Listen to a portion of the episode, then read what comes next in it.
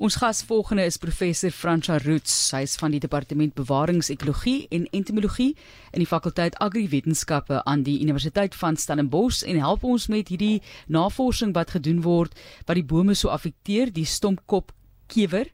Baie welkom professor. Geniet vir ons weer konteks hierso oor die bome en die skade wat verrig word. Hi Marlies en en luisteraars. Ja, so die die stompkop kewer is in 2012 vir die eerste keer in die land aangeteken. Ehm uh, maar het egter eers 'n werklike probleem begin raak hier by 2017 rond. Ehm uh, wat ook op 'n klomp verskillende eh uh, provinsies aangeteken is.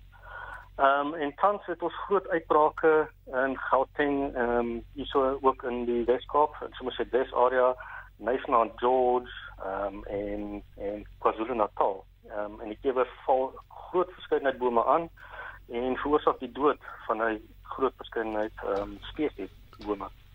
Kom ons gesels gou oor 'n paar areas wat jy op gefokus het. Ons dink aan plekke soos vergeleë waar dan natuurlik fantastiese werk gedoen word um, in terme van die omgewing, 321 jaar oue plaas en hierdie pragtige biosfeer wat jy van praat. So, waar was die navorsing alles gefokus?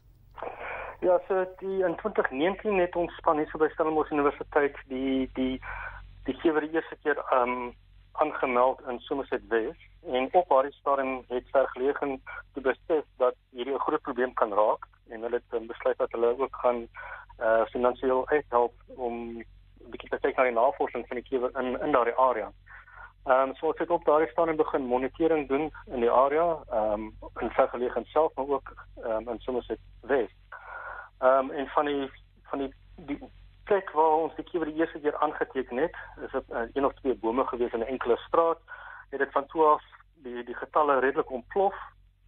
En tans, ehm um, as dit die hele Somerset Wes en um, die trek, die getalle is ontsettend hoog veral in die somermaande. En die die navorsing wat ons daarso doen, ons kyk spesifiek na die uh die beweging van die kiewers, die seisonale getalle en so en dat ons kan sien ehm um, wanneer ons as ons iets wil wil doen in terme van 'n beheer wanneer ons dit moet toepas En dan ook kyk ons na verskillende ehm uh, beheersmetodes, soos om chemiese stowwe te gebruik om uh, die kiewers aan te lok, soos feromone, ehm um, of ook om om bome chemies ehm um, te beheer. Ehm um, met die hoop om die, die getalle laag te hou. Dis baie interessant die konsep van hierdie ehm um, kewer wat dan eh, as dit ware 'n gat boor en dan die fungus wat daarmee uh, gepaard gaan of fungi. Uh, ek ben kom dit is dit iets wat ontstaan uit die sap of is dit uit die kewer of watse tipe ding is dit?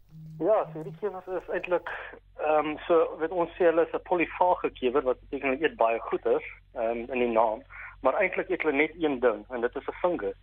Ehm um, is 'n fusarium fungus wat hulle ronddra. Ehm um, by hulle kake het hulle twee klein sakkies waarna hulle die spore, basies is die sade van 'n fungus. Dra hulle die spore daarso En as hulle by 'n nuwe boom aankom en begin knaag aan die boom, dan word hierdie spore vrygestel binne in die tonnels, soos die kewerboor. Ehm um, die die spore ontkiem en dan begin die vingers in die boom ingroei.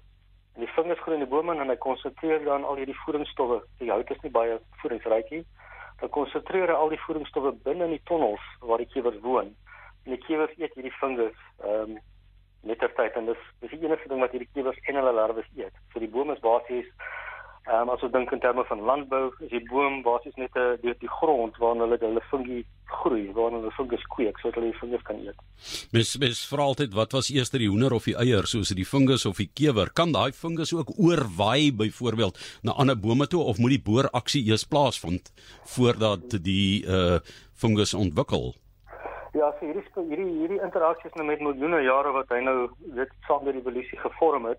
So die kewer is 100% afhanklik van die fungus en die fungus is 100% afhanklik van hierdie kewer. So ehm um, op hierdie stadium is daar geen aanduiding dat hierdie fungus kan versprei sonder hierdie kewers nie. Daar's wel 'n gevaar dat dat ander spesies wat ook fungi voed in bome kan hierdie fungus optel. Ehm um, en laat ander spesies dan dit van ons eie inheemse spesies byvoorbeeld laat hulle dieselfde fungus kan begin kweek Ehm um, daar is 'n geval dat hy kan rondspring tussen verskillende kewer spesies, maar wel nie deur die wind nie. Die vingers maak nie spore wat deur die wind versprei word en so aan nie. Hoe gaan uh, die kewers nou hierdie boorkewers hok geslaan word. Is daar al reeds entstowwe ontwerp? Dit is mos nou vandag ook iets wat op almal se tong is, maar om om om 'n ander rede. Ehm um, hoe gaan dit hok geslaan word en hoe gaan die verdere uitbreiding daarvan hok geslaan word byvoorbeeld meer na die noorde van die land toe? Ja, so tans is ek ewer in al die provinsies behalwe in Limpopo aangeteken. So is al redelik baie wyd versprei. Die rede daarvoor is natuurlik dat dit so klein is en maklik met houte goeders kan versprei. Maar in terme van om hom op te slaan, ehm um, so die beweging van van hout is maar die grootste gevaar. So dit is enigiets van van braaihout wat hierdie kewer kan in hê, uh, tot tuinafvalmateriaal, ehm um, ehm um, hierdie hout uh, chips wat mense gebruik in hulle tuine, die kewer kan daarin wees as dit 'n verkeerde boom was. Ehm um, of selfs ehm um, die kewers wat binne in in in uh bome, kwekerye en goeder kan voorkom wat mens ehm um, kan aankoop. So hy versprei redelik maklik en dis die grootste gevaar. Die ander ding, so as ons kyk na in terme van sy beheer is dit die eerste ding waarna ons moet kyk, is om sy sy ehm um, beweging te voorkom.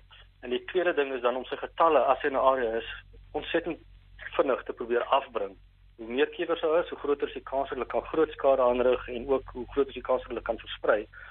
Ehm um, so dis op hierdie stadium is die die die een die eenvoudigste en die die die die die, die vinnigste opsie, die beste opsie is om van bome wat um, ontsettend swaar aangeval word deur die kiewer om van hulle ontslae te raak. Daar's geen manier dat ons daai bome kan red in elk geval nie. Ehm um, maar ons is besig om tans te toets chemiese stowwe wat ons inspuit in die boom se stamme in, amper soos 'n inenting. Ehm uh, maar dit hou net so vir 'n jaar. Ehm um, ons het nou die eerste klomp eksperimente ehm uh, by Vergelegen en in Somerset Wes aan die gang gesit. En die die in die, die aanvanklike resultate lyk heel goed. Ons het die dit kry laat ons die die die getalle van die nuwe aanval op die bome is aansienlik minder. Ehm um, ons kyk nou of ons kan speel met 'n verskillende paar mengsels wat ons kan afbring tot omtrent ehm um, niks nie. En dan ook is ons betrokke ehm um, met die universiteit ehm um, van Pretoria en die Fabi groep daarso is ons betrokke by uh, die soeke na biologiese deur ehm um, organismes want uh, dit is eintlik maar die enigste hoop wat ons regtig het om hierdie kiewers te besprei ook in ons natuurlike areas, in ons natuurlike woude waar ons nie kan gebruik nie. Ehm um, so tans kyk ons daarsonder na verskillende wespes en en myte en alworms en so aan wat wat ons kan gebruik ehm um, in die soeke vir 'n biologiese beheer teen die kewer. Professor François Roots is ons gas. Hy is van die Departement Bewaringsekologie en Entomologie van die fakulteit Agri Wetenskap aan die Universiteit van Stellenbosch. Ek dink nou sommer, ehm, um, jy weet plekke soos ver geleë, byvoorbeeld jy het nou daar in die eikhout bome, mense kom piknik hou onder daardie bome en as dit nie beheer word nie, ehm um, in in baie plekke, ek, dit is nou maar 'n voorbeeld, as dit nie beheer word of raak gesien word nie, dan kan daai hout so verswak en dit kan selfs gevaarlik wees seker die bome kan uiteindelik kantel of jy weet um, in mekaar stort. Ja, dit is doodreg. Dit is een van die grootste probleme wat ons het met die kewer.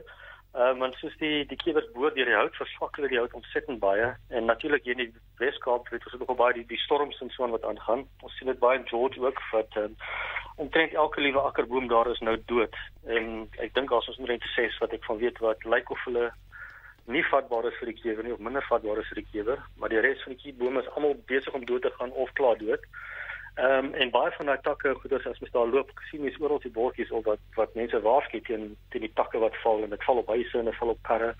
En daai bome moet verwyder word en dit is ontsettend duur, veral as 'n groot volwasse boom reg langs 'n huis of installasie staan. Dan kan dit jou enigiets van 30 tot 100 000 rand kos om om 'n groot boom te laat verwyder. So daar's ontsettend baie kostes ook om om mense en hulle besittings um, veilig te.